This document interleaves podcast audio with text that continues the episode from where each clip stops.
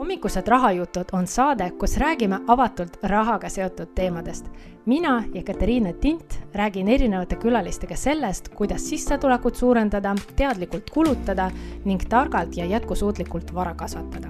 mõnede külalistega on meil ka kinnine osa, mis avalikku saatesse ei jõua ja kus osalejad saavad külalistele ka küsimusi esitada saates laivis osalemiseks registreeri ennast moneysmarter.me.eu kaldkriips hommikused rahajutud tere hommikust, hommikused rahajutud taas pühapäeva hommikul teiega ja tänane külaline, ma olen väga excited selles osas, et me saame rääkida päriselt jätkusuutlikkusest investeerimisest. Ähm, ja me räägime jätkusuutliku investeerimise eksperdiga Karin Neemek, kes on Grünfini, eh, see on jätkusuutliku investeerimise jaoks eh, platvorm, kes on päriselt õppinud seda, kes eh, teab detailidest. me oleme siin juba enne podcast'i alustamist, enne saadet alustamist, alustasime meie diskussioonis, sest see teema on lihtsalt niivõrd põnev, seal toimub nii palju arenguid ja mul on super hea meel, et Karin oli nõus tulema meie saatesse. aitäh sulle, Karin ja aitäh, just, et aitäh Ekateriina kutsumast, sest minu arust see valdkond vajab väga palju nagu laiemalt harimist või rääkimist, sest tõesti, nagu sa ütlesid, Ekateriina, et see on väga-väga selline arenev valdkond, uus valdkond, aga samas väga oluline. aga sellest olulisusest, ma arvan, me räägime hiljem pikemalt, et miks ta on oluline. Täiega, et mul on ülimalt hea meel, et tõesti rääkida teemast mis muutub, ma ütleks, elu nagu normiks see, et sa mõtled jätkusuutlikkuse peale. Äh, meil eelmises saates oli ka ESG ekspert, et me mõtleme selle peale, kuidas ettevõtted äh, mõjutavad või mis mõju nad omavad keskkonnale, sotsiaalset mõju inimkonnale ja kogukondadele no valitsemist ka, nii et äh, ülimalt oluline. aga enne kui me sukeldume nende detailidesse, äkki alustame lihtsalt, äkki sa lihtsalt tutvustad ennast, äh, räägid oma taustast, kuidas sa üldse nagu sinna investeerimise maailmasse tulid, kuidas sa rahaga oled seotud? jah, et tere hommikust kõigile, et olen Karin Nemek, olen siis Grünfini tegevjuht ja kaasasutaja ütlen ka lühidalt need, kes ei ole kuulnud, et mis asi on Grünfin. Grünfin on siis äh, invest jätkusuutlik investeerimisplatvorm inimesele, kes hoolib mõjust. Ja olemegi seadnud me enda meeskonnaga eesmärgiks, et me tahame olla nagu selles, äh, et kui keegi tahab nutikalt, jätkusuutlikult investeerida, siis me tahame see koht olla mitte ainult Eestis, vaid ka kogu Euroopas, et seda mõju otsa me tahame teha kümme korda paremini kui teised selles valdkonnas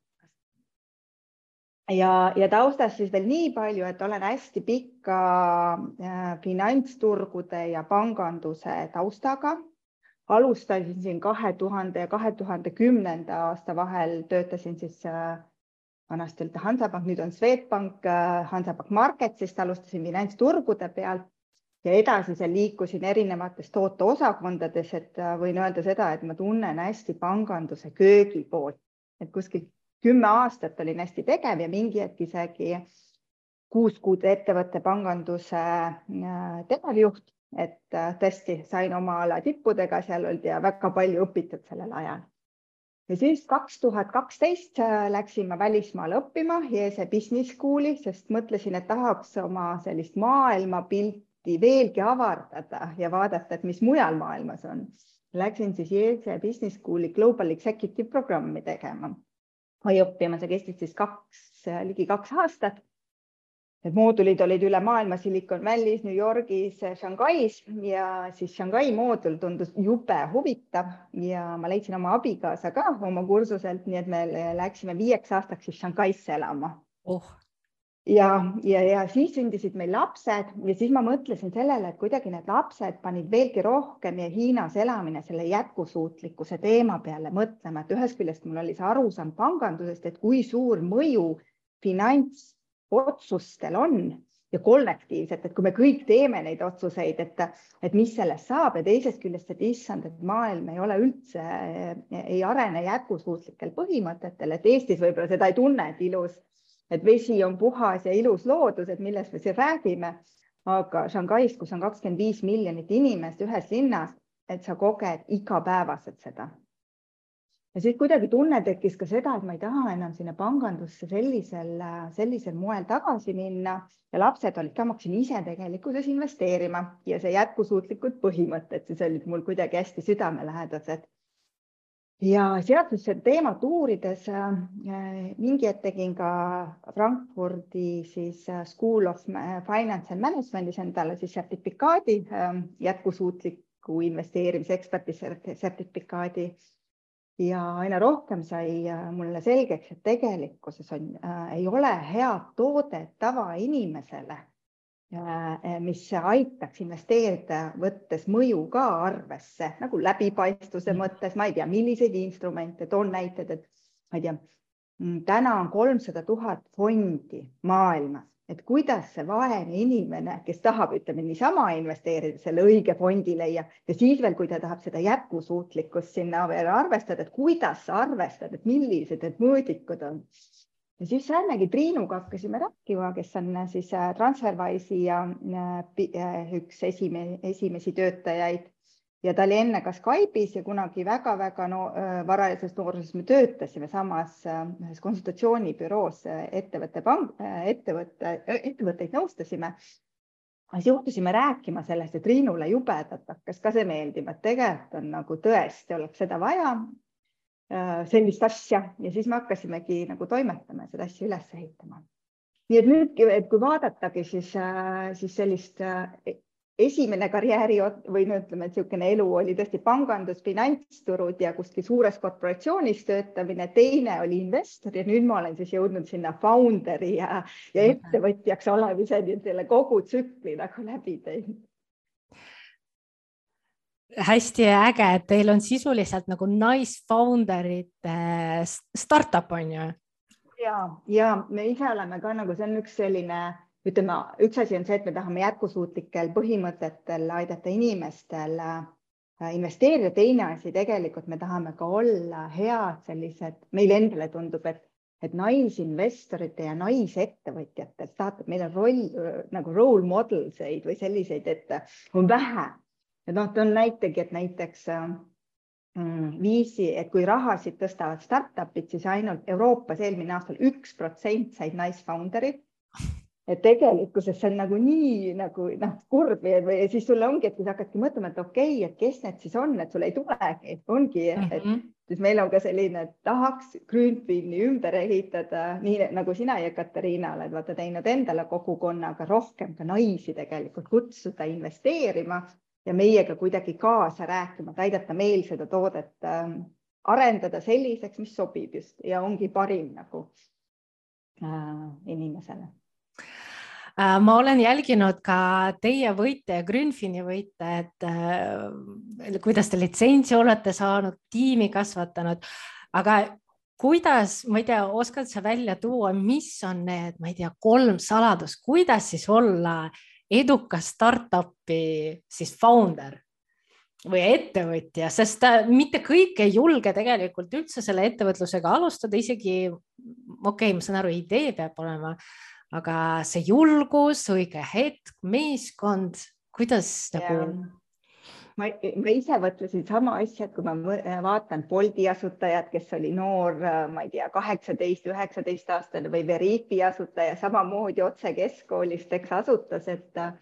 siis ütlengi, see võib-olla iseloomustab naisi, et me oleme ebakindlamad äh, mingites olukordades. mõtlesin, et mul oli vaja selleks, et nagu jõuda selle, et ma ise julgen ja suurt äri alustada kümme aastat panganduses, Eesti mõistes tippinimestega koos töötamas ja know-how juures olla, käia ühes ärikoolis, tippülikoolis, siis elada välismaal kümme aastat, ma ei tea, viis aastat Shanghais, viis aastat äh,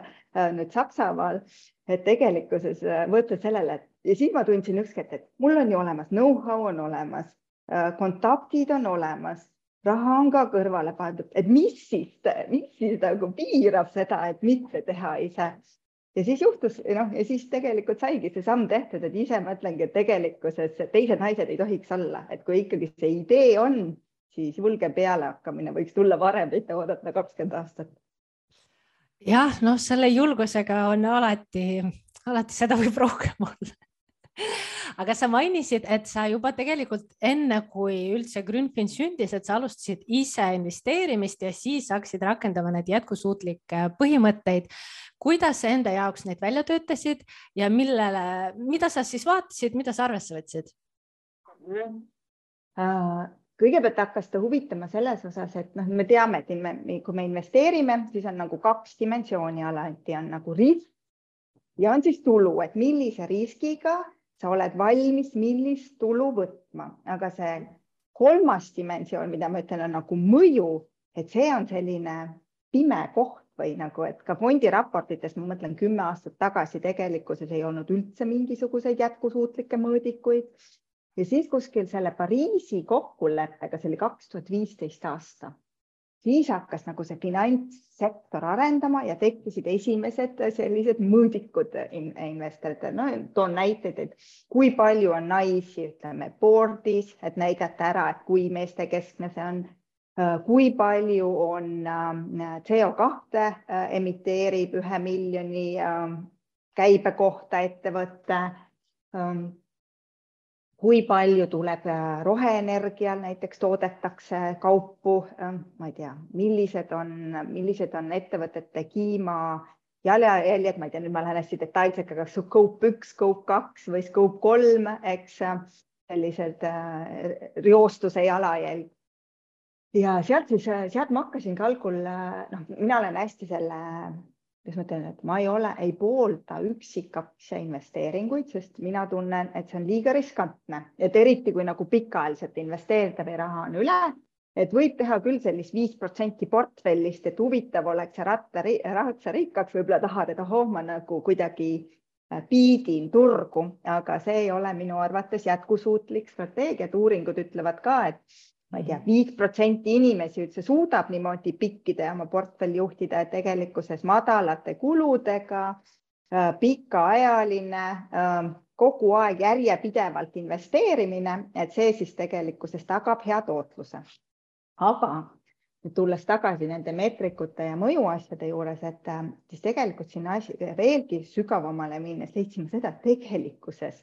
aitab see ka meil paremini riski võtta, millest me ka ei olnud nagu, et sa võtad nagu jätkus, et sul on võimalik nagu jätkusuutlikkust võtta kah, kahest aspektist, üks on see, et jätkusuutlikkus kui risk. et ma ei tea, kui, kuidas ettevõte võib skandaalidesse minna, äh, reostusest tulla mingisugused suured trahvid äh, riigi poolt et see on nagu üks vaade sellele mm. -hmm. ja teine vaade on, et kui me mõtleme seda, et, et kahe tuhande viiekümnendaks aastaks peame me olema kliimaneutraalne. Euroopa Liit on nüüd ka välja öelnud, et kui suur muudatus see on, kui me mõtleme seda, et täna globaalselt kaheksakümmend viis protsenti energiast on ikkagi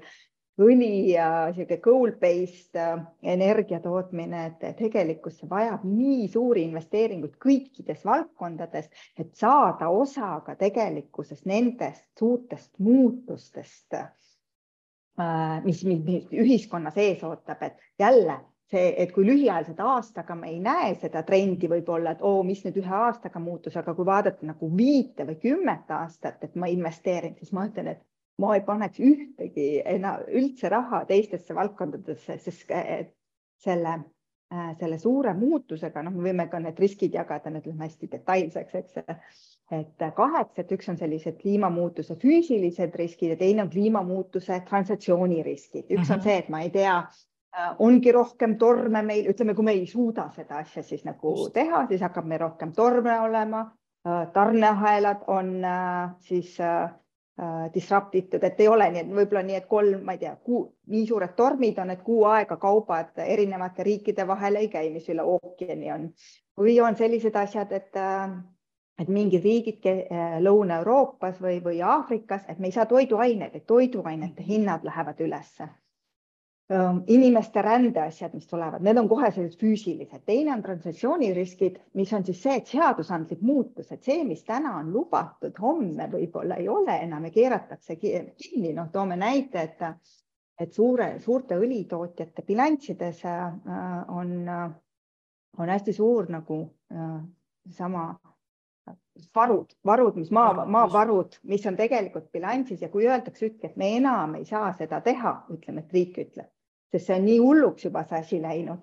siis lihtsalt tuleb bilansist need maha äh, kirjutada, noh inglise keeles on see sõna stranded assets on ju. ja et ma ei teagi eesti keeles, kuidas see sõna on, aga tegelikkuses, mis tähendab ka seda, et hull mahakandmine tuleb nendest nagu ettevõttest jälle. lühiajaliselt me täna Äripäevast igal pool kuulame seoses Ukraina sõjaga, et, et, et selle sektori, et praegu on hästi tõusnud need õli, õlitootjate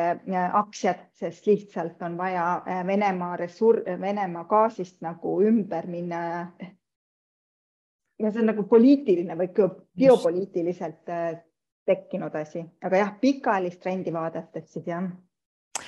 Et siin on tegelikult see küsimus, kõik need BP, Exxon, Shell, nemad ju ma ei ole neid detaili uurinud, sest ma olen pigem neid ka hakanud vältima.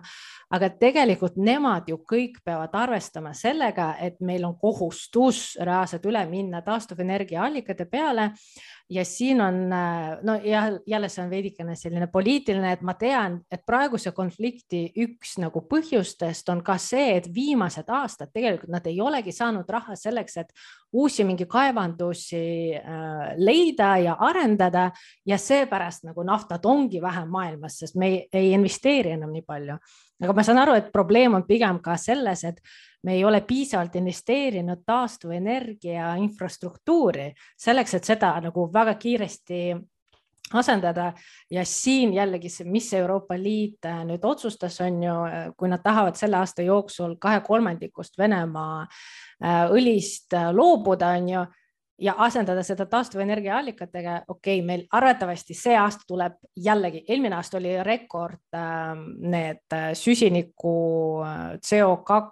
äh, näitajate poolest atmosfääris. arvatavasti see aasta tuleb jälle üks nagu suur reostus, sest võetakse nagu kivisüüsi tagasi, on ju kasutusse. aga ma väga vot nagu reaalselt niimoodi näen ja väga loodan et antud olukord tegelikult tekitab võimalust ka Euroopa Liidus tohutu teha nagu seda hüpet taastuvenergia allikatele üleminekut. ma olen sinuga täitsa nõus ja sul on täpselt see, see täpselt õige vaade, et tegelikkuses äh, nagu tootmine on, seda on vähendatud, aga tarbimist ei ole, mis ongi see, et hinnad on nagu üleval ja teisest küljest meil ei ole ka head tehnoloogiat kiiresti äh, implementeeritud, et siin just rääkisin meie portfellijuhiga eelmisel nädalal väga huvitavat statistikat, et kui kaks tuhat kuus aastal oli äh,, oli ütleme selline roheenergia kasutus, siis kuskil selline mõne protsendi peal nagu kogu sellest äh, energiapaketist. Ja, ja toome näite, et noh, umbes samal tasemel oli siis Ameerikas smartphone'id või siis arengumaades interneti kasutus, et kui me vaatame, et ma ei tea, Ameerikas on nüüd smartphone'ide kasutus üheksakümmend protsenti, äh, siis äh, interneti kasutus äh, arengumaades on kuuskümmend protsenti ja siin me oleme täna seitsme-kaheksa peal, et kui räägitakse võib-olla ka, et see, ma ei tea, et see rohetehnoloogiatesse, et võib-olla üle kuumenenud ja liiga palju pannakse, et praegu ka hästi palju nagu venture capital'i raha, siis tegelikult ei ole, täna on pigem see sõnum, et me oleme liiga aeglaselt tegutsenud et me kuidagi hästi lühiajaliselt ikka teeme neid otsuseid, mis on tegelikkuses kurb. Äh, aga jah, et peaksime oluliselt kiiremini siin minema ja näeme, ma usun küll, et äh, Saksamaa on siin jõuliselt äh, mingeid samme astumas, et enam ei vaadata võib-olla nii palju äh,, kuidas ma ütlen, et vaadatakse ka majandust loomulikult, aga ma arvan, et see geopoliitiline transfer, see on nüüd nagu üle, nii nagu ma ei tea, Covidi ajal tulid need tervishoiuteemad nagu palju olulisemaks mm kui näiteks majandusteemad, siis nüüd on geopoliitilised teemad kindlasti üle äh, majandusliku argumentide mm. -hmm. Ja siin ma veel mõtlen ka seda asja, et äh, kindlasti me peame rohkem investeerima äh,. infrastruktuuri on ju leidma mitte ainult päikseenergiat, mitte ainult tuuleenergiat, vaid me peame leidma ka energiat, mis ka talvel olemas oleks ideaalis on ju. Tidal wave nägin selle lainete energiat ja nii edasi. et kuidas teie, teie, ma saan aru, peame juba sukelduma, et kuidas see Grünfin nagu vaatab neid ettevõtteid, valib, kust see potentsiaalne, kas me räägime suuremast tootlusest, mida me tegelikult ootame tänu sellele rohe üleminekutele või me pigem räägime, no riski maandamisest me juba rääkisime või ainult seal riski osa või see tootluse pool ka? no mulle endal, noh, mis on nagu ütleme nii, et jätkusuutlikud fondid, mis äh, kui enne Covidit oli nii, et arvamus, et ah, et jätkusuutlikud fondid toovad täpselt sama tootlust ja riski kui tavaasjad, ei olnud nagu evidentsi selles osas, et ahah, et me kuidagi äh, paremini riski võtaksime, siis äh,, siis mis oli nagu hästi positiivne, noh, hästi positiivne ei saa öelda nagu, et Covidi kohta, et see oli hästi positiivne, aga üks selline ütleme, take away oli, et need ettevõtted, kes olid tugevad siis ESG või jätkusuutlikud ettevõtted, tegelikkuses kukkusid vähem kui teised, mis tegelikkuses tuli nagu esimest korda sellises finantsteadmises selle, et ahaa, tegelikkuses on see parem risk ja tulu üle tsükli. Et mille pärast me ka täna näeme, et paljud fondid äh, rebrändivad ennast või vaatavad üle, et, et kuidas nad oma fonde juhivad ja võtavad aina rohkem seda ESG-d arvesse, sest see annab paremat nagu üle pikaajalist riski ja tulu võtta, et ma isegi vaatan, noh ise elades Saksamaal, eks, et et, et siin on kõik fondid peavad ütlema seda, kuidas nad võtavad jätkusuutlikkust arvesse, et kas see on artikkel üheksa, et see on nagu e jätkusuutlikkus kui mõju on oluline. Äh, artikkel kaheksa ja siis on artikkel kuus ütleb, et üldse ei ole, äh, ma ei võta arvesse ja mind ei huvita seda, et siin on tõesti kõik fondid, et sul on hästi läbipaistvalt see näha, aga täna, kui ma vaatan, et näiteks Eesti pensionisüsteemis olevad fondid tegelikkuses väga vähe ütlevad seda läbipaistvalt ja ma loodan, et seda aina rohkem nagu äh, hea tarbijale ka näid, näidatakse, et see oleks nagu hästi hea, et inimene saab teadlikult nagu valida endale siis, et kuidas ta ise tahab seda siis vaadata et me peame vist meelde tuletama, mis need artikli kuus, artikkel kaheksa, artikkel üheksa, seda on tegelikult Eestis juba hakanud tulema, no Swedbank on üks, kes mul on väga palju silma jäänud, kes paneb heleroheline, tumeroheline põhimõtteliselt nüüd on see Euroopa Liidu poolt tulnud kohustus, et iga fond peab raporteerima ja näitama, et kas ta arvestab kuidagi jätkusuutlikkuse kriteeriumitega ehk ta kukub selle artikkel kaheksa või üheksa alla või kui ta ei arvesta, siis ta on sisuliselt nagu pruun fond on ju artikkel kuus, et ei arvesta ja ei vaata jätkusuutlikkust kriteeriumit, see tähendab, et mingit täiendavat ettevõtete filtreerimist või väljajätmist või kuidagi osakaalude muutmist, et seal nagu ei toimu mitte midagi. ja nüüd meil on see kaks varianti, on ju. me võime valida kas helerohelist fondi artikkel kaheksa, mis tähendab seda, et fond kuidagigi nagu arvestab neid jätkusuutlikke kriteeriumeid. Äh, Karin, kuidas, kuidas praktikas see artikkel äh, kaheksa rakendamine võib välja näha? üks on see, et võetakse antakse suuremat osakaalu nendele ettevõtetele, kes on, ma ei tea, väiksemas siis CO2 emissiooniga. number kaks on see, et välistatakse neid halbu asju mm.. et, et mis, mis on nagu ma ütleks artikkel kaheksa ja artikkel üheksa nagu vahe on artikkel kaheksa võtab seda kui lisakriteeriumid, ahah, mul on see risttulu finantsid kõige olulisem ja siis ma vaatan seda jätkusuutlikkust kui riski, et ahah, et kas sellele ettevõttele võivad tulla mingid skandaalid, mingid ohud trahvide näol. ma võtan seda kui lisakriteeriumi, aga tegelikkuses see, kes põhimõtteliselt minu arust jätkusuutlikelt äh, põhimõtetel tahab investeerida või tahab seda siis maailma kuidagi mõjutada rohkem, siis artikkel kaheksa kahjuks ei ole see nagu koht, et mm -hmm. artikkel üheksa seab siis nagu need fondid, neid fonde on ainult kolm koma kuus protsenti, mis on siis Paris aligned. Äh, täna on artikkel üheksa, kes siin öelnud, et tegelikkuses ma hoolin ma sean jätkusuutlikkuse äh, omaette eesmärgiks. Need ettevõtted äh, on tavaliselt portfellis sellised ettevõtted, kes siis on võtnud kliimaeesmärki, kes on öelnud seda, ahah, ma tahan minna Pariisi kliimakokkule äh, kohaselt tõepoolest, et meie tegevused oleks siis null jalajälge, mis tähendab väga suurt muudatust. Nad peavad mõtlema algusest tarneahelad läbi, väga lihtne on saada see esimesed viis protsenti. Et sa vaatad ära, kuidas ettevõte efektiivsemalt võiks äh,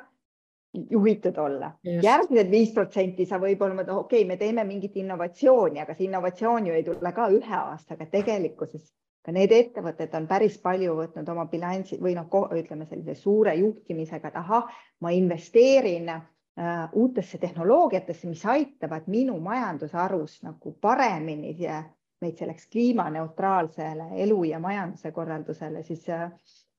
äh, nagu äh, viia, et nad on nagu juhtivad ettevõtted, kes igas erinevas valdkonnas ei ole nii, et ala IT-d, IT-l on väga väike jalajälg, ma ei tea, võtame käive ja siis CO2, sest tal ei ole tootmist, on ju, et ta on kuidagi parem kui see, kes on tegelikus tööstuses. et kui see tööstusettevõte ikkagi oma ärist lähtuvalt äh, seda innovatsiooni või siis jalajälge vähendab, et need ettevõtted on tavaliselt artikkel üheksas sees et ma vaatan, et tegelikult äh, ma olen siin ka erinevaid ESG fonde analüüsinud. kui me räägime artikkel üheksa ehk tumerohelised fondid, mille eesmärk on omada positiivset mõju, see tegelikult tähendab seda, et iga ettevõte, kes sinna fondi kuulub, peab vähendama oma CO2 jalajälge iga aasta vähemalt seitse koma kuus protsenti on mul õigus, kas ja. nad võtavad veel midagi või, või see CO2 ja Paris Aligned ongi see peamine nagu artikkel üheksa kriteeriumid? Äh, ta peab olema konkreetselt näitama seda, seda muutust, noh, ma, ma toon näiteks ka näiteks, et äh, Green Bond on iseenesest ju samamoodi äh, läheb artikkel üheksale, et sul peab olema väga Äh, läbi, sa pead olema võimeline näitama ka seda, et mis siis muutus, et kui see artikkel kaheksa fond ei pea näitama seda, et milline mm -hmm. see mhm. muutus siis on, siis artikkel üheksa peab täpselt nii, nagu sa ütlesid, et see on seitse koma kuus protsenti võtnud eesmärgiks äh, vähendada need ettevõtted, siis, äh, siis jah, et peab olema näha, et sa ei saa lihtsalt öelda, et aa, et mulle meeldiks olla nagu see artikkel üheksa fond, sest see on kuidagi popim või noh, inimestele meeldib see paremini et seal on väga selged kriteeriumid. Ehk sisuliselt äh, siis, kui me valime ja investeerime Pariisi kokkuleppega joondatud fondidesse, sisuliselt, mis me teeme, ongi me selle asemel, et osta neid aktsiaid, noh läbi fondi, nende ettevõtete aktsiaid, mis emiteerivad või kuidagi ei vähenda nii kiiresti oma jalajälge nii kiiresti nagu Pariisi kokkuleppe alusel peaks seda tegema. Versus me pigem ostame nende teiste ettevõtete aktsiaid. mul on tegelikult tekib siin kaks küsimust. number üks on see, et kui me räägime helerohelistest fondidest ma nüüd ei mäleta peast, aga kas igasugused Shell, BP kütuseettevõtted, nemad ju tegelikult, kui nad arendavad, ma ei tea, mingi süsiniku püüdmise tehnoloogiat, nemad ju võivad ka oma jalajälgi vähendada. tegelikkuses on nii, et, et see on äh, kuidas ma ütlen, et selles äh, jätkusuutlikus investeerimises on nagu kaks strateegiat, onju. üks strateegia on see, et sa, nii nagu sa ütlesid, et sa oled nagu diversity, et ütled, et ma ei osta neid sellepärast, et nad on mingi patuaktsiad, onju. Divest, divesting on selle just, ma ei tea jälle eesti keeles, kuidas sõna on, aga inglise keeles on divesting. mitte investeerimine ja, ja teine strateegia on see, et ahah, et ma olen selle ettevõtte board'is ja ma engage in, et ma tegelikult mõjutan Just. seda ettevõtet, et toon selle ExxonMobili, mis on üks suurimaid reostajaid maailmas, ma toon alati seda äh, tihti ka oma nendes ettekannetes äh, seda näidet, et näiteks tema jalajälg, scope kolm on täpselt sama suur kui kogu Saksamaa siis sa võid kujutada ette, et kui tema võtab selle viis protsenti, vähendab oma jalajälge, siis on kogu Eesti põhimõtteliselt jalajälg ära, et, et, et, et, et seda optimeerida ei peaks seda väikest, vaid tegelikult on vaja suuri mõjutada. ja see Just. on üks nagu ka Grünfini, ütleme, ellukutsumise eesmärk, et meie tahame mõjutada ja nüüd noh, ma arvan, Jekateriina siin on küsinud, kuidas te mõjutate, me ei ole täna veel oma selle uudisega välja tulnud, aga ma arvan, et nädala või kahe pärast kohe kuulete seda et me oleme ühe UK NGO-ga, kes siis on kõiki varahaldur nagu reidib kõiki varahaldureid, kuidas nad siis hääletavad. Mm -hmm. nendest suurtest, sest väga, väga paljudel varahalduritel on väga palju raha ja nad omavad neid aktsiaid läbi oma fondide. Ja nemad istuvad siis seal suurettevõtete board'is ja kui nemad siis küsivad seal juhtkonnad, et ahah, et mis te teete jätkusuutlikkuse valdkonnas või kas te olete neid kliimaeesmärke võtnud et sellest väga algab tegelikult väga suur muutus selle ettevõtte, et jah, et kui mul juhtimises küsitakse, siis ma hakkan ka tegelema, siis ma panen ka oma kogu selle organisatsiooni vastavalt tööle. Ja nemad siis igal aastal, see on nagu kullastandard mõnes mõttes selles ütleme selles sektoris, sest keegi ei tee seda, mhm. et nemad teevad siis, panevad täpselt reiditud ja kõik varahaldurid täna väga täpselt vaatavad, kuidas nad on, et kui nad näevad, et nad on suhteliselt hall, nagu kehvas seisus, näiteks detsembrikuu aruandes olid äh, tegelikkuses Rootsi pangad väga äh, kehvas seisus võrreldes mõne muuga. ma toon näite siin näiteks Amundi või Robeco, kes on siis äh, väga hästi või noh, väga hästi hääletanud ja võtavad neid teemasid siis nagu suurettevõtete boardides arvesse. Et ma toon näite ka, et me oleme siis äh, sellel kuul näiteks olnud Nestli äh, juhatusega, käinud rääkimas koos nendega ja, ja siis teine on äh, Unilever, kus me tegelikkuses mõjutame seda, kui palju, et nad on muidu, ütleme, see äh, Unilever on üleüldiselt, nad võtavad jätkusuutlikku teemasid väga hästi arvesse, välja arvatud enda tooted toode kui selline, et nad ei, ei ole väga tervislikud ja äh, nende tooted ja sellepärast äh, mida me siis koos selle NGO-ga äh,, Share Action on selle NGO nimi. Teeme, on see, et äh, mõjutame, et nad võtaksid, et täna on meil seitseteist protsenti ainult tervislikud toidud, et nad ütleksid, me teeme roadmap'i, kuidas siis peaks olema see viiskümmend või noh, ma toon praegu selle protsendi, nad ei ole veel öelnud, ütlesid, okei okay,, nad lähevad koju, oktoobriks tulevad roadmap'iga, et kuidas nad siis nagu Äh, hakkavad ennast juhtima, tervislikumat toitu saada, et see on, ma arvan, selline, äh, selline näide, mida teie tavapank mitte kunagi ei tee või noh, et pigem on ta seal, joondub seal teistest, aga see on see, kuidas meie tahame olla see koht, et kes reaalselt tahab seda muutust teha.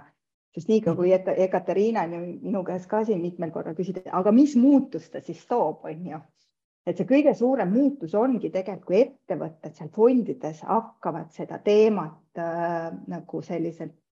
hästi tähtsana võtma ja siis kogu oma ettevõtte strateegia ja juhtimise siis vastavalt äh, toimetama hakkavad, et ainult nii me suudame seda maailma ümber disainida ja me peame suuri muutma, et see, et me teeme väikse öko äh, mingi poe, see ei lahenda seda suurt probleemi ära, et me proovimegi siis seda suuri. Ma, ma väga ootan juba seda uudist, et äh, mm -hmm. ma tean, et põhimõtteliselt ongi nii, et sa sisuliselt number üks, mis me peame tegema, ongi proovida muuta läbi selle, et me oleme ise aktiivsed. no mina näiteks siin hiljuti tegin ka äh, kohaliku ettevõtte analüüsi, mida ma jagasin oma uudiskirjas sajatega, kus mul on eraldi nüüd ESG nagu analüüs, kus ma nagu vaatasin ka läbi, et no mis ettevõte teeb lähtuvalt nendest peamistest ähm, probleemidest, mis võivad teda mõjutada sõltuvalt sektorist, on ju, et me peame ise aktsionäridena nagu andma ettevõttele teada, et kuule, nagu juuruta kogu seda jätkusuutlikkuse põhimõtete rakendamist, peab juurutama läbi terve ettevõtte strateegia nagu, et sa võtad igas oma ettevõtte osakonnas, igas sammus tegelikult seda jätkusuutlikkust arvesse ja see on see suur suund, mida mina näen, äh, mida no BlackRock nüüd ametlikult, BlackRock on siis sisuliselt suurim äh, maailma varahaldaja, kes läbi tuleva investeerib. Äh, teil on seal sisuliselt teie raha on hallatud BlackRocki poolt. tema ütles ka, et meil on vaja seda sidusrühmade kapitalismi, kus me tegelikult hoolitseme nagu kogukonna eest ja tuleviku eest, mitte see, et me ei taha nagu lühiajaliselt väga suuri kasumeid saada vaid me peame pikaajalisemalt mõtlema selle tuleviku peale. ja siis äh, ma mõtlen, et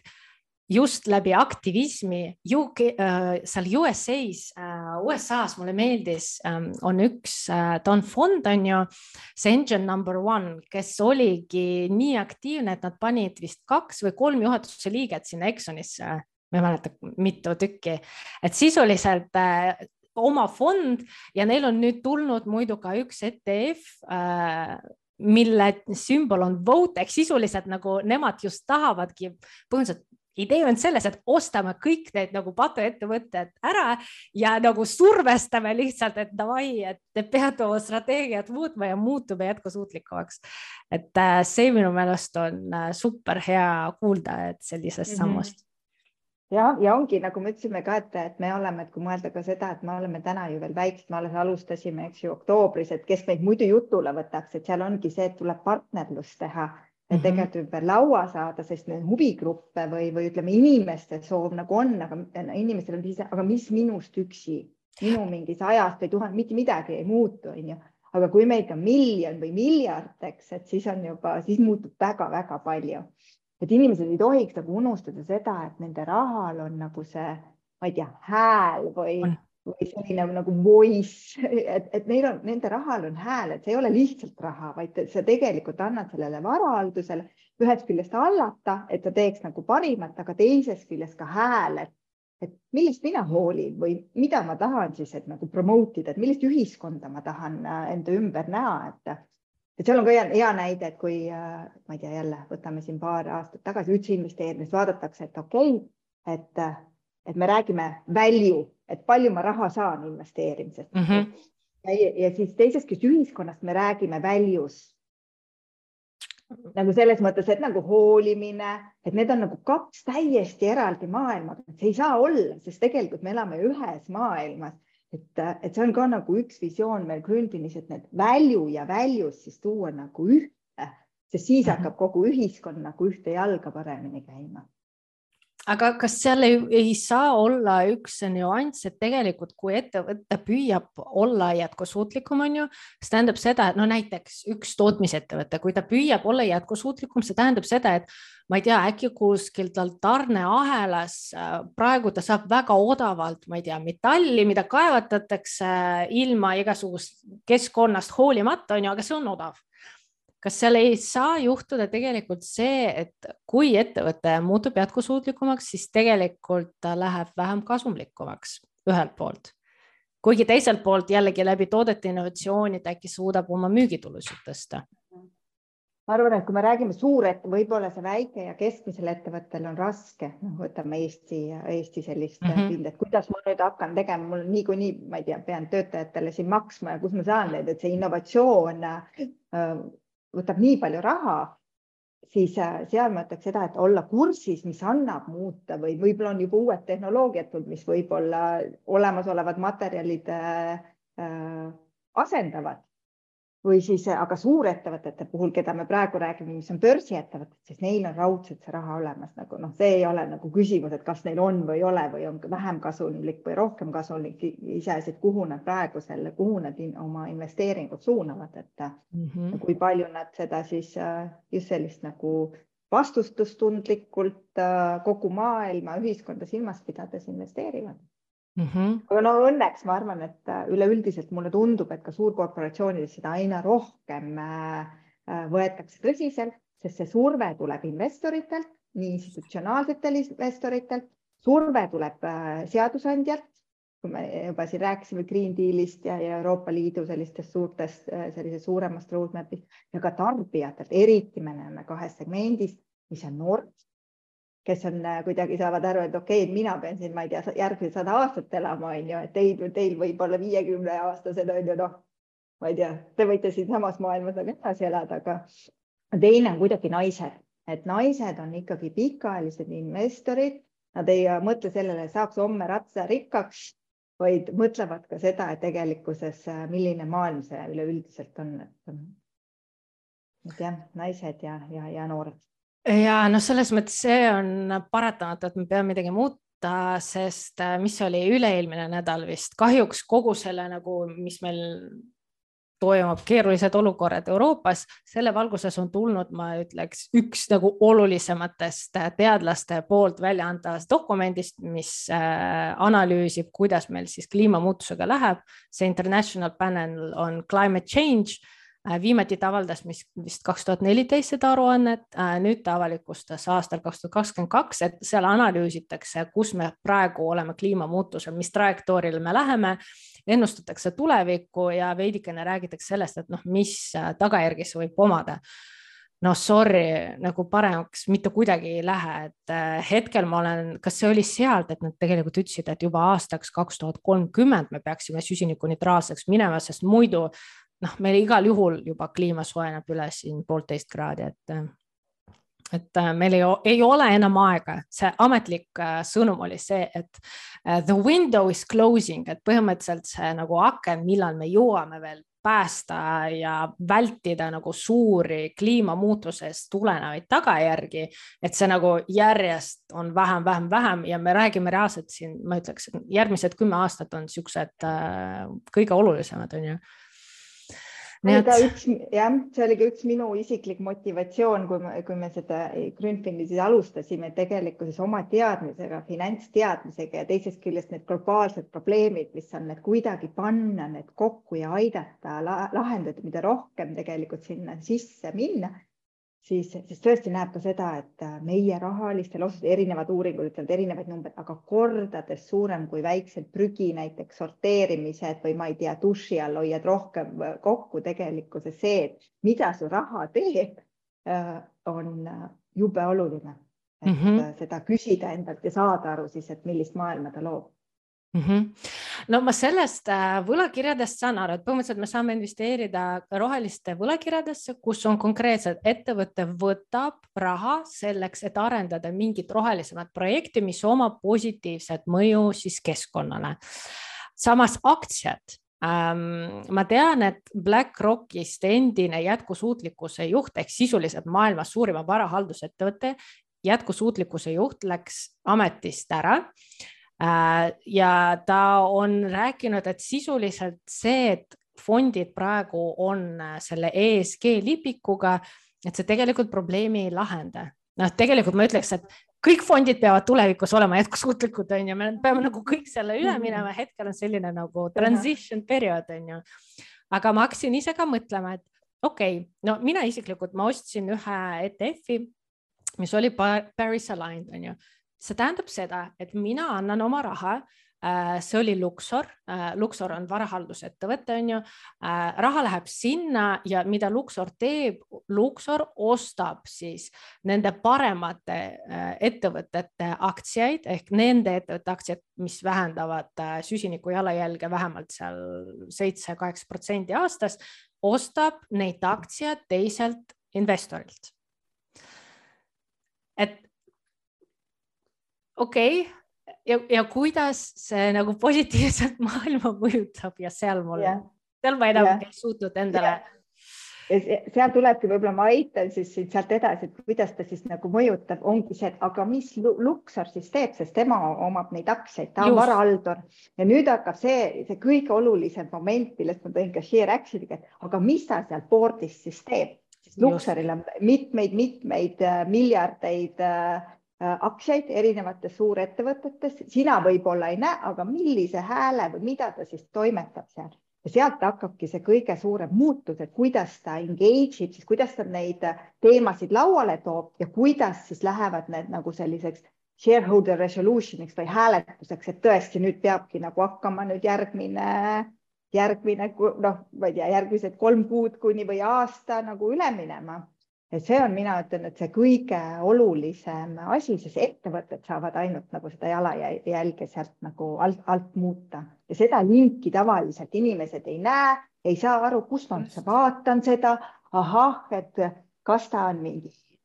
et millistes organisatsioonides ta üldse on, näiteks see varahaldul, kuidas ta oma hääletusstatistika on. see puudub tavainvestoril puudub see ja sellepärast me Grünfinina tahamegi olla see koht, et okei okay,, me teeme selle analüüsi ja vaatame siis seda, otsime erinevatest allikatest kokku ja nüüd ka siis äh, reaalselt ka engage ime nende ettevõtetega. Ma just mõtlesin, et sisuliselt tegelikult ma võin ju paigutada raha ükskõik mis fondi, sest olulisem on see, et kes see varahaldur on, et kas see on BlackRock, kes võib-olla ei survesta nii piisavalt versus see, et ma pigem paneks raha äh, nagu sinna varahaldaja juurde, kes reaalselt nagu survestab neid ettevõtteid, et võtame transition, lähme jätkusuutlikumaks. See on kindlasti suur, aga ma ütleks ka sellele, et sellel fondil on see mõju, mitte küll nüüd nagu selli, sellises mastaabis, mastaabis nagu see, et kuidas sa neid ettevõtteid mõjutad aga ka see, et ta ei lähe teistesse, et kui finantsturgudel äh, tekib see olukord, et aina rohkem inimesi hakkab vaatama, et ahah, ma tahan tegelikkuses promote in neid ettevõtteid, kes reaalselt teevad, ma ostan neid aktsiaid, siis tegelikkuses tulu on sama. miks ma siis ei, et kui me mõtleme, et sa nagu ei piidi seda äh, turgu, tulu on sama, miks sa siis võtad selle teise aktsia, mis reostab, kui sa saad võtta sama asjaga ja suurema äh, nagu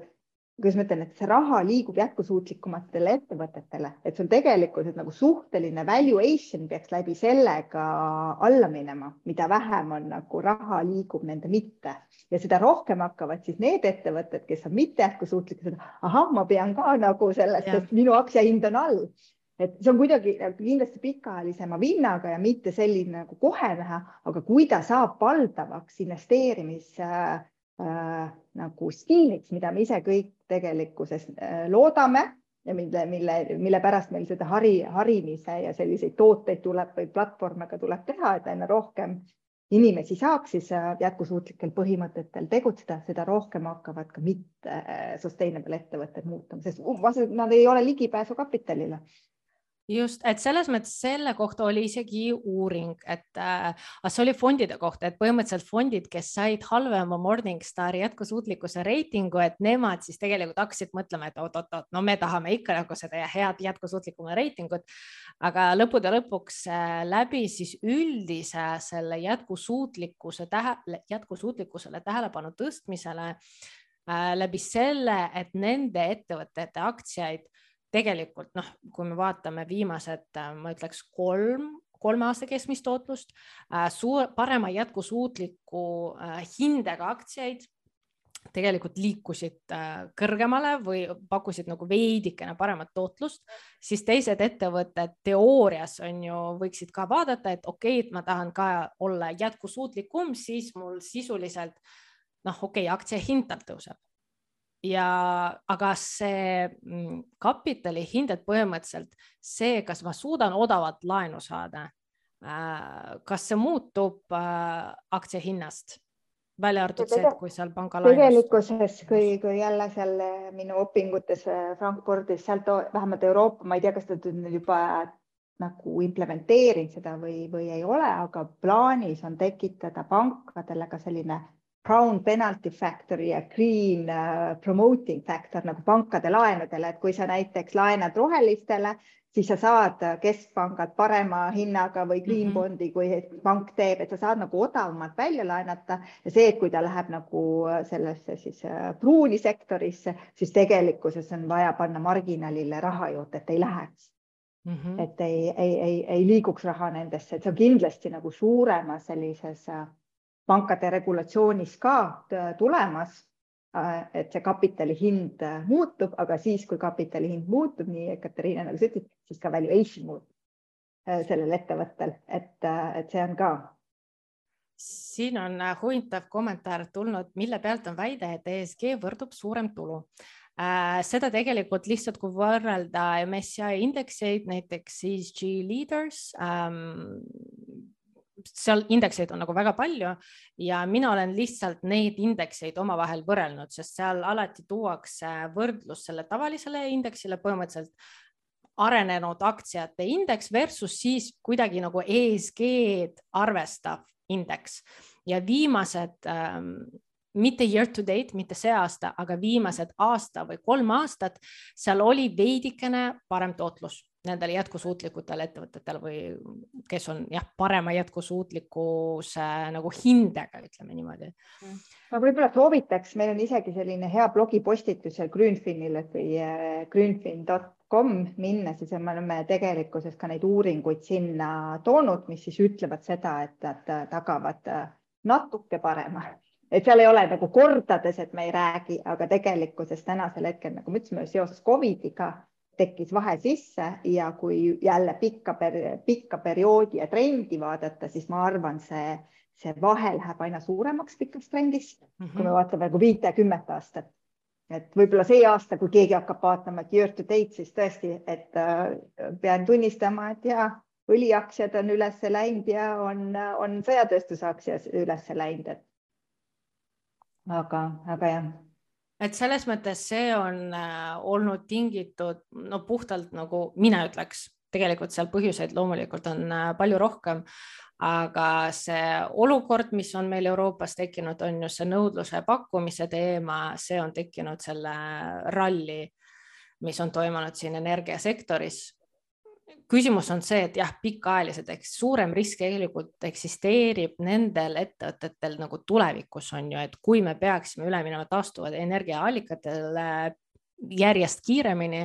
noh, number üks risk, äkki sealt tuleb üldse mingi süsinikumaks nagu reaalne süsinikumaks, mitte nagu meil praegu kvoodid on ju, vaid reaalselt kuidagi seda CO2 ähm,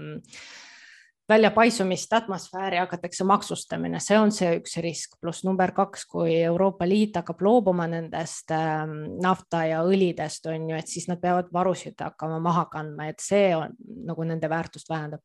Aga jällegi, see on selline pikaajaline perspektiiv äh, ja seal on see aktivism on ju number üks on oluline. no jah, ega. innovatsioon neid..., just, et innovatsioon ka laiemalt, et igal juhul on vaja luua, sest oleks meil see üks tehnoloogia, mis siis nagu kõik aitaks ära lahendada, meil kahjuks täna ei ole seda, vaata, et mis oleks, mis oleks kakskümmend neli tundi saadaval, mis oleks puhas ja millel ei oleks tagajärgi, noh, me on räägitud ju Äh, tuumaenergiast, eks ju, aga sellel on nii, äh, nii riskantne tagajärg sellele storage'ile, et kui sellega peaks midagi juhtuma, et ei ole veel ühiskonnas nagu aktsepteeritav, aga et võib-olla teadurid ja asjad, et tegelikult peaks seda kõike, kõike uurima nii, et neid kõrvalsaaduseid ei oleks või mm, -hmm. või siis aga... oleks Mm -hmm. räägime veidikene sellest ESG mõõtmisest, et äh, ma tean, et Grünfin vaatab ja analüüsib fonde ise, võib-olla sa räägid sellest veidikene lähemalt, sest mina tean ja siin oli küll küsimus ka, et et kui adekvaatne see ESG hindamine on, sest mina olen näinud küll äh, neid analüüse, et kus võrreldakse põhimõtteliselt ühe, no FTSE on üks indeksi pakkuja, kes meil äh, jätkusuutlikku äh, faktorit nagu hinnab ja reaalselt mingit numbri annab, on ju. MSCI on teine, siis äh, meil on neid veel, on ju, Morningstar on kolmas mm, et nad võivad olla niivõrd erinevad. Et millele tegelikult üks number üks küsimus, et nagu kuidas fondid, kes investeerivad, kuidas nemad seda jätkusuutlikkust nagu vaatavad kas nad võtavad lihtsalt ESG numbrid või midagi muud ja pluss nüüd Grünfin ka, et kuidas nagu Grünfin valib ja kontrollib, et, et tõesti, et Pariisiga joondatud, et nagu tõepoolest, et iga ettevõte näiteks vähendab seal jalajälge mm. -hmm. Kuidas me, kuidas me siis teeme, meil on see andmebaas, kus on siis kolmsada tuhat fondi, et see on siis see alus, kus, kus on, kus me hakkame siis selekteerima neid äh, parimaid fonde nii äh, jätkusuutlikkuse kui finants äh,, finantside seisukohast, et kuidas nendel, ma ei tea, kulukus on, kui suured need fondid on, kui hästi nad on perform inud, ütleme finantsi poolt. äh,. Ja sealt edasi siis tulevad kriteeriumid, me võtame täna äh, aluseks jälle selle Euroopa Liidu standard, kõigepealt artikkel üheksa kaheksa, et kui fond on ise öelnud, et on kuus või ise ei ole öelnud, siis ta kohe on automaatselt screening uga väljas, noh siis on mhm. mingi järgmine hunnik jääb sinna Äh, kümme tuhat jääb järgi sellega, sest väga paljud on ikkagi äh, artikkel kuue alusel äh, juhitud. sellest kümnest tuhandest siis me hakkame vaatama, nagu sa, Katariina, ütlesid, et mis on Morningstar, et me ei võta endale fondi, kui ta on Morningstar väiksem kui kolm, et ta peab olema neli või viis.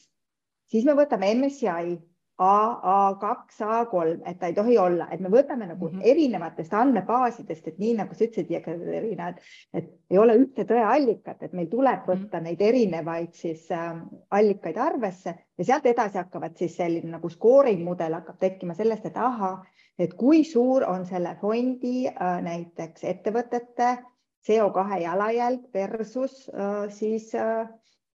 käive, mida ta loob mm. -hmm. siis on naised äh, selles board'is, äh, just, siis on nagu ma ütlesin, green and brown revenues, siis me vaatame finants, finantside koha pealt, et kui suur on selle fondi äh,, fondi suurus ja maht, et kui ta on ainult -hmm. miljon või kaks miljonit, siis ta on väike, siis me võtame liiga palju selle fondi ja fondijuhi riski, et me oleme ebalikviidsed, et meie jaoks likviidsus on oluline et ta peab olema suur fond või likviidne, siis me vaatame sellist asja, et madalad kulud, et meie fondidesse, et mina ise ei investeeri, minu põhimõte on see ja üleüldiselt ka meie fondid, nad ei tohi olla suurema kulut, kulukusega kui null koma kuus, täna on meil null koma üheksateist seal keskmine, ütleme portfellidel see tegelikult suhteliselt madala kulukusega mhm. on see, sest pikaajalisel investeerimisel need kulud, ma arvan, tulevad siin head haridus ja meie samad influencer'id on head tööd teinud, et see on nagu oluline kriteerium. Äh, vaatame seda poolt, siis me vaatame neid asset manager'e sinna juurde, siis me Mhm. vaatame sinna juurde äh, millises protsentiilis nad on äh, nii jätkusuutlikkuse kui oma finantstulemusega võrreldes peer group'id. Mhm. no teised nagu sarnased fondid ja täna on meil enamus, üks on isegi vist sada, et ta on nagu kõige ülemine, aga nad on ikkagi üheksakümne protsendi äh, ülemise otsas olevad fondid, et nad on head fondid ja lõpuks ongi, et kui need kõik kriteeriumid nüüd sinna panna ja scoring mudelisse, siis võib öelda küll, et issand, kui palju fonde nüüd on siin, aga tegelikkuses kurb, nii kurb kui see ei ole, siis tegelikult tulebki mingi kaheksa fondi välja. Selle scoring mudeliga, et, et mille me oleme siis pannud nendesse oma, oma portfellidesse täna, aga iga kvartal teeme me sellesama protsessi uuesti, vaatame, kuidas need meie fondid on siis olnud ja kas keegi on nagu veelgi parema fondiga välja tulnud, sest see valdkond areneb et keegi võib ju öelda, et aa, meil on siin portfellis nüüd mingi ettevõte, kes, ma ei tea, juhtus skandaali näiteks, noh, ma toon hüpoteetilise näite, selline asi võib juhtuda. aga me oleme enda poolt teinud täna parima, sest ka ettevõtted peavad rohkem raporteerima seda asja, fondijuhid läbipaistvamaks muutuma, et me ise väga loodame, et ma arvan, et tänases nagu selles industry mõttes me oleme tipus, aga, aga see industry ise on veel nii nagu äh,, kuidas ma ütlen, noor ja areneb, et kogu aeg peab kaasas käima sellega, et mis seal siis veel, veel toimumas on aga äh, ma tean, ma olen veidikene teie portfelli vaadanud, teil on seal vist kolm valikut, on ju? kolm strateegiat, mida saab valida. jah, meil on kliimaportfell, meil on äh, equality, mis on eesti keeles sotsiaalne võrdsus Just. ja siis on tervishoid või health portfell et iga inimene saab siis vastavalt äh, oma äh, sellisele eelistusele portfelli võtta, me ise küll ja ma ise olen siis investeerinud kõiki kolme, sest mm, -hmm. sest ühe hea investeerimise juurde käib alati diversifitseeritus, mis mulle endale meeldib. aga -hmm. ka üheski fondis meil on ka see kriteerium, et ei tohi olla vähem kui kakskümmend kuus ettevõtet et juhul, kui ta on nagu, ma ei tea, kahekümne kuue ettevõttega, siis ta ei ole nagu diversifitseeritud piisavalt, et ta peab ikkagi, seal on sadu ja, ja pigem mõnisada ühes fondis, et, et nad on suhteliselt diversifitseeritud mm. -hmm. aga Ekaterina vist on toonud just ka siin näited, et meie kliimaportfell on hästi Euroopa keskne, eks, et seda mm -hmm. sa oled meile vahel ette heitnud, et et siis see argument meie poolt on või noh, mis argument või mis, kuidas ta nii on tekkinud, on see, et lihtsalt need artikkel üheksale vastavad ettevõtted ongi Euroopa ettevõtted täna, kes neid eesmärke on võtnud. lihtsalt Euroopas me oleme nii seadusandlusega siin ees, nii ettevõtte sellise vastutuse või vastutus, vastutuse võtmisega oleme ees Ähm, investorite enda selline surve on ka äh, Euroopas palju suurem, kui see on Ameerikas või Aasias. sellepärast on ka ta roh seal rohkem Euroopa ettevõtteid mm, -hmm. aga need ettevõtted on suured, et üks ettevõte tegutseb kahesajas erinevas riigis ja tegelikkuses, kui võtta nagu majandusriski, siis ei saa öelda, et ainult Euroopaga seotud riskid on seal sees aga küll ma ise soovitan, et võtta kolm, kolm erinevat valdkonda, et siis saab väga diversifitseeritud ja siis ei ole ainult Euroopa ettevõtetega seotud riske. siin on tulnud nii hea küsimus, et ESG paremale tulule viitavat analüüsi, kas on võimalik lugeda, kas ma, ma jagaks teiega ekraanis, see oleks lihtsalt huvitav koos vaadata, et mille alusel ma nagu väitsin, et ESG parema jätkusuutlikkusega ettevõtted pakuvad paremat tootlust. mina olen analüüsinud ja need ei ole need indeksid, mis teie fondid kasutavad, on ju, Karin? MSCI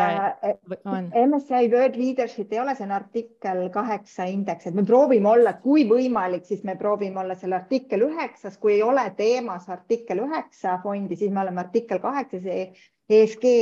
Leaders on artikkel kaheksa indeks et iseenesest ka seal noh, on näha mm. -hmm. väga hea näite. just, et selles mõttes see ei ole nagu Greenfini, Greenfini näide, vaid see on puhtalt, et ma võtan nagu indekseid, mis arvestavad kuidagi ESG kriteeriumid. ehk siin on ettevõtted, kes siis ESG leaders ehk sisuliselt on parema jätkusuutliku faktoritega või nagu hinnatud jätkusuutlikkust on kõrgem. ja siin me näeme viimase kolme aasta tootlus on olnud ja viimase viie aasta tootlus on olnud nagu veidikene parem ja need on arenenud riikide, arenenud riikide indeks, et siin on USA, Euroopa ja nii edasi. Siis no järgmine, mida ma võtan, see on puhtalt Climate Paris Aligned Index äh,, sellele vastavaid äh, fonde on ka. Ehk siin joonisel võrreldakse seda Pariisi kokkuleppega joondatud et aktsiate indeksit tava arenenud riikide aktsiaindeksitega, no siin on nagu näha, et see kaks protsendipunkti on olnud tegelikult viimase kolme aasta keskmise mm, tootluse erinevus. no USA on äh, ainus, mis mul jäi silma, kus ei ole seda nagu paremat tootlust, kuigi noh, siin on null koma, okei okay,, tegelikult on null koma kolm protsenti on viimase kolme aasta parem tootlus olnud, null koma neli protsenti on viimase viie aasta äh, parem tootlus olnud siis nendel parema jätkusuutlikkusega ettevõtetel. kuigi nad on, ma vaatan USA-s kukkunud rohkem siis ma isegi vaatasin eraldi Euroopat, on ju, et me võime väita või üks argument või mis üks mure, mis mul seal oli, et äkki see, ma ei tea, tuleb, ma ei tea, Teslast on ju, sest Tesla on seal nii suures osakaalus MSCI Worldis, et äkki nagu kogu see hea tootlus tuleb selle pealt. Aga tegelikult, kui me võtame noh, puhtalt see on Euroopa indeks ähm, ehk ESG leaders ehk ainult nagu hea jätkusuutlikkuse kõrgelt hinnatud jätkusuutlikkusega ettevõtted, siis võrreldes äh, tavalise äh, Euroopa aktsiaindeksiga, noh, siin on jällegi null koma, ah, üks koma kolm protsenti viimase kolme aasta jooksul iga aasta on tegelikult see indeks nagu edestanud tavalisi ettevõtteid. Et äh, need ei ole eraldi analüüsid, aga vot niimoodi puhtalt vaadates kõiki neid indekseid, mis võtavad kuidagimoodi arvesse seda jätkusuutlikkust, siis viimastel aegadel äh, no on ikka see tootlus olnud parem äh,. siin ei ole jah mingit äh, nagu küsimust ja isegi riskinäitajaid on mõnevõrra väiksemad et äh, see ongi see, mille alusel ma väitsin, et viimastel aegadel ongi tootlus olnud parem, sest no esiteks äh, teema on populaarne, on ju, investorid rohkem investeerivad nendesse aktsiatesse, nad usuvad nende kindla tulevikku ja siin on, nagu Karin ütles hästi, siin on nagu kaks osaportsu. number üks on see risk, on ju, et kui sa jätkusuutlikkusest ei hooli, sul on nagu riskid, et sa satud kas skandaali, sul suurenevad kulud, kui sa pead, ma ei tea, mingi disaster'i likvideerima, kui sul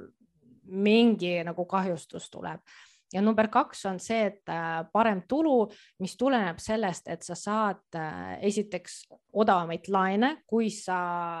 pakud või oled nagu rohelisem, rohelisem on ju jätkusuutlikum. ja number kaks, neil on võimalik teha innovatsiooni, kuigi jällegi mina tahaks, et meil Euroopas tekiks üks ettevõte,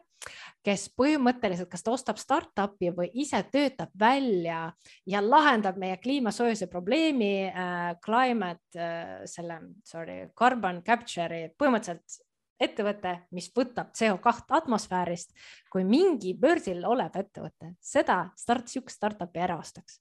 hakkaks pakkuma teenust kõikidele teistele. no siis ma, ma usun, ma usun, et meil tuleks hea, hea ja nagu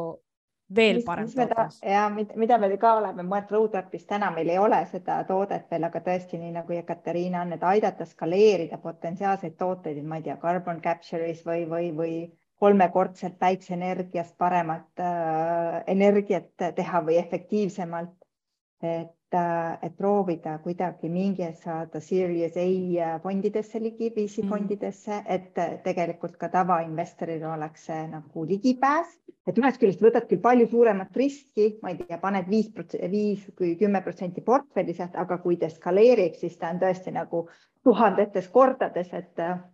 aga jah, et, et see, et kui meid rohkem oleks külpinud, siis meil oleks ka rohkem võimalik noh, ja vara äh, oleks hallata, siis me saaks ka teisi neid varaklasse tuua äh, huvitavaid oma portfellidesse. tulevik, see on ainult tuleviku küsimus, on ju. jah äh, väga äge, et selles mõttes äh, mul on hea meel kuulda, et teil tulemas on arenguid ja see, et tõesti läbi aktivismi, võib-olla läbi teiste varaklasside, noh, saabki maailmat muuta, on ju. et kui tegelikult noh, kõige suurem probleem on arenevates riikides on ju, et kuskil seal Hiinas, kuskil äh, Lõuna-Ameerikas kaevatakse neid metalle äh, ilma, et oleks väga suur äh, positiivne mõju keskkonnale, pigem nagu väga suur negatiivne mõju keskkonnale. et kuidas see muutus võiks välja näha, ongi see, et kui meie hakkaksime vaatama nagu meie ettevõtete jätkusuutlikkust, siis nad peavad ikkagi raporteerima vähemalt need, neid emissioone, äh, seda nimetatakse scope kolm ehk läbi kogu tarneahela on ju. et jah, sa võib-olla ostad selle elektriauto on ju väga roheline, aga küsimus on see, mis see scope kolm on? Ehk kui palju on äh, välja paisatud CO2 atmosfääri, siis kui kaevandati näiteks metalli selle jaoks, et toota seda autot ja kui me seda hakkaksime esiteks vaatama ja seda mõjutama, et seda peab vähendama, noh siis potentsiaalselt peakski suurem investeering liikuma arenevatesse turgudesse, et seal seda väljaheidete CO2 äh, probleemi lahendada ja noh, mina näen, et see oleks nagu kõige positiivsema ja kiirema mõjuga meie kliimamuutusele aga no õnneks on see, et regulaator ka seab neid nõudeid, et ettevõtted peavad hakkama raporteerima, see scope kolm, et täna nad raporteerivad scope ühte, scope kahte ja noh, ma toon alati head näidet nagu selle või näite pankade, et pankade enda jalajälg, nad on jubedalt nagu head scope üks, scope kaks inimese, mingit, mingit ei ole väga suurt energiakulu, nende tooted ei emiteeri midagi, sest nad on virtuaalsed. Mm. aga kui sa vaatad scope kolme, siis nad on Äh, just Bloombergist vaatasin just analüüs, pärast võin Katariinaga ka jagada, et seitsesada, et see on tegelikult kõige hullemad polluuterid on meil nagu kaasaaitajad pankades, kes on siis, äh, kes on andnud sellistele projektidele äh, nagu raha äh,. loomulikult ja noh, kelle, kelle, kelle ke,, kelle raha nad on teinud, on ju tavainvestor või tavahoiustaja raha välja laenanud, eks, et sa ju ei näe seal, see on niisugune tume boks, mida, mida inimesed ei ei ole ülevaadet, et kuhu ta läheb. aga -hmm. ma usun, et läheb läbipaistvamaks ja see läbipaistvus sunnib tegelikkuseid nii äh, kogu, ma ei tea, ettevõtteid kui panku kui äh, kõiki tegelikkuses äh, teistmoodi käituma mm. -hmm. seega üleskutse on see, et kui me investeerime number üks, okei okay,, number kaks võib-olla, number üks on see, et millega ettevõte tegeleb, kas ta parandab, kas ta omab positiivset mõju meie keskkonnale ja no lihtsalt inimkonnale. Ja siis pöörame tähelepanu ESG aruannetele, seda nüüd, no vanast ajast on see sotsiaalselt vastutustundlikkuse aruanne võib-olla ettevõttel, et pöörame sellele tähelepanu, vaatame, kas ettevõte mõju, kas ta mõõdab nüüd Scope kolme ehk oma läbi tarneahela kogu äh, CO2 emissioone. Äh, kas tal on plaane, kas tal on eesmärke, kas tal on äh, ambitsiooni nagu vähendada seda CO2 skoopi, sest noh, see on tulevik, seda on vaja teha, on ju, kui me seda ei tee, siis nali naljaks, aga tulevik on kuidagi väga must, kui me seda ära ei tee, nii et me peame seda ära tegema. nii et aitäh, Karin selle teadmiste eest, mis sa oled jaganud. Saates me ei anna investeerimissoovitusi ega kutsu sind väärtpaberit ostma ega müüma või muid investeerimistehinguid tegema. küll aga kutsun ma sind üles õppima ja tegema vajalikke samme selleks, et enda rahalist heaolu parandada. kogu saade teabe on informatiivne ning enne investeerimisotsuste langetamist palun tee omapoolne analüüs